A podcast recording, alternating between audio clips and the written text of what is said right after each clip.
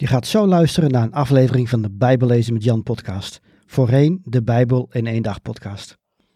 De genoemde links in deze uitzending kunnen verouderd zijn.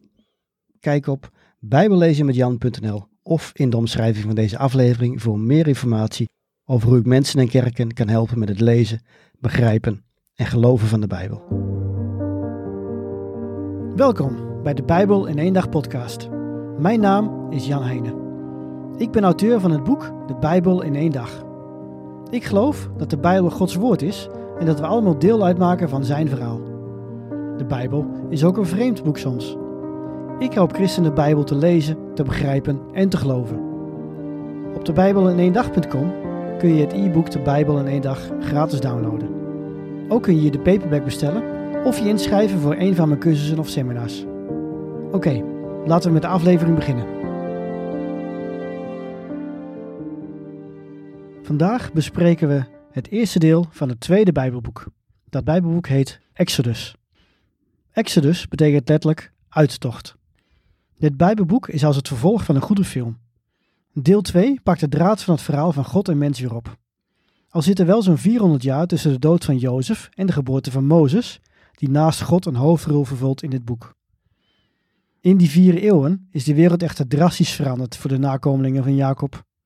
Ja, God zegent hen met veel kinderen, zoals hij Abraham had beloofd. En juist dat leidt tot problemen.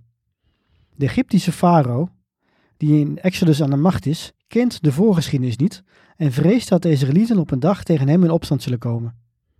Hij wil het slavenvolk Israël juist klein en zwak houden en neemt een gruwelijk besluit. Alle pasgeboren jongetjes moeten ogenblikkelijk worden verdronken in de rivier de Nijl. Laten we even op de rem trappen. Wat gebeurt hier eigenlijk? Om te beginnen zien we dat Farao zichzelf tot God verheven heeft. Hij laat zichzelf aanbidden, staat toe dat zijn volk talloze andere afgoden volgt en denkt dat hij over leven en dood mag beslissen. Hij staat dus vijandig tegenover God. Maar er is ook een vijand die niet vaak met naam en toenaam wordt genoemd in de Bijbel. In Genesis 3 wordt hij de slang genoemd. Andere benamingen zijn Gods tegenstander, de duivel, Lucifer en God van deze wereld. De Bijbel legt later uit dat er voor de val van de mens een opstand in de hemel was. En een van de belangrijkste engelen kwam tegen God in opstand en sleepte een derde van alle engelen in zijn val met zich mee. Hij is geen partij voor God, maar doet zijn uiterste best om Gods plannen te dwarsbomen. Zo heeft hij vanaf het begin de mensen verleid kwade dingen te doen, in de hoop dat God hen zou verlaten. Toen God beloofde een nieuwe Adam te sturen, heeft deze duivel meer dan eens geprobeerd Abrahams nakomelingen uit te roeien. Wat we hier aan het begin van dit Bijbelboek Exodus dus zien, is een regelrechte aanval op het verlossingsplan van God. Zonder mannelijke kinderen zal het Israëlische volk immers uitsterven. Israël roept het uit tot God en God antwoordt. Eerst keert God Farao's plan om. Een Israëlische moeder gooit haar zoontje Mozes in de Nijl, maar wel in een waterdicht mandje. En een fun fact, het hier gebruikte Hebreeuwse woord voor mandje is eigenlijk arkje. En dat doet nu weer denken aan de ark van Noach. De baby drijft af naar de plaats waar een Egyptische prinses aan het baden is, op een afstand gevolgd door zijn zus Miriam. De prinses vindt het kind, laat haar moeder uitspreken en besluit de Hebreeuwse baby te houden. Maar, aangezien er geen oplosmelk was in die tijd, moest ze wel een vrouw vinden die het kind kon zogen. En precies op dat moment verschijnt Miriam ten tonele en geeft ze aan dat haar moeder dat wel kan doen. De prinses betaalt Mozes moeder om voor hem te zorgen. En als die jongen ouder is, gaat hij aan het hof wonen.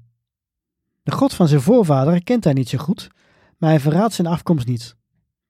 Het doet hem pijn dat hij zoveel privileges geniet, terwijl zijn volksgenoten zo zwaar lijden onder de dwangarbeid die ze moeten doen. En in een woedeaanval slaat hij een Egyptische opziener dood. Als blijkt dat getuigen hem hebben gezien, vlucht hij de woestijn in, uit vrees te worden gearresteerd en gedood. Mozes sluit zich aan bij een woestijnvolk, trouwt en lijkt zijn afkomst nu wel volledig te vergeten.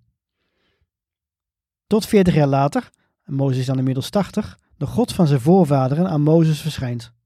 Mozes is de voormalige Egyptische prins die inmiddels vrede heeft met zijn bestaan als herder. Maar God draagt hem op terug te gaan naar Egypte. Want, zo zegt God, hij ziet het leed van Israël en nu is de tijd gekomen om in te grijpen. Mozes sput het flink tegen. Wie is hij om het op te nemen tegen de machtige farao? God is niet onder de indruk van al zijn tegenwerpingen. En uiteindelijk keert Mozes terug naar Egypte en confronteert de farao met de opdracht van God. De farao weigert zijn slaven te laten gaan, precies zoals God voorspelde aan Mozes. Dus laat God het rampen regenen. Tien plagen stort hij over Egypte uit. Hier volgen de eerste negen. 1.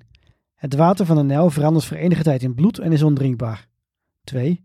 Kikkers bestormen het land. 3. Luizen, wat in de Statenvertaling staat, of muggen, zoals staat in de NBG-vertaling, teisteren het land.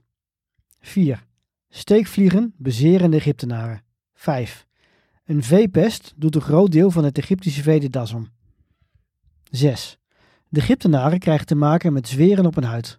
7. Onweer, hagel en vuur verwoesten een groot deel van de Egyptische gebouwen. 8. Sprinkhanen eten de gewassen. 9. Het hele land van Egypte, behalve het gebied waar de Israëlieten wonen, wordt dagenlang in duisternis gehuld. Waarom strafte God Egypte zo? Nou, het was een zondig volk dat andere goden volgde en zijn koning, de farao, ook als een god vereerde. Iedere plaag is een regelrechte aanval op de zondige samenleving, want iedere ramp was rechtstreeks gekoppeld aan minstens één god van Egypte. De god van de Nijl is bijvoorbeeld Sobek en hij symboliseert de vruchtbaarheid van de rivier en dus van Egypte. En de zonnegod Ra, die werd juist ontroond tijdens de negende plaag. Verschillende keren beloofde farao aan Mozes om het volk te laten gaan. Maar zodra de ramp voorbij is, bedenkt hij zich weer. Vijf keer zegt de Bijbel dat de farao zijn hart verhardde. Zijn mededogen verdween dus. Maar de Bijbel zegt ook vijf keer dat God het hart van de farao verhardde. Dat maakt het voor ons ingewikkeld. Was het nu God of de farao die farao's hart koud als steen maakte?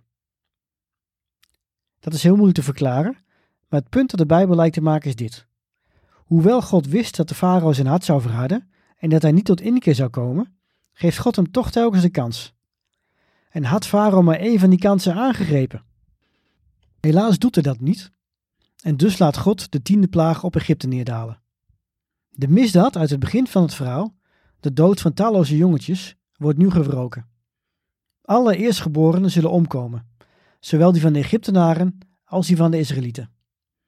En hier zien we ook een duidelijke parallel met het verhaal van Abraham die zijn zoon Isaac moest offeren. Want ook hier in Egypte wil God boetedoening voor de zonde van de mensen. Maar net zoals hij Abraham een plaatsvervangend offer aanbood, biedt God ook hier een uitweg. Voor zowel Israëlieten als Egyptenaren. God geeft via Mozes de opdracht om een lam te slachten en bloed op de deurposten te verven. Iedereen die in zo'n huis verblijft, wordt beschermd door het bloed van het lam.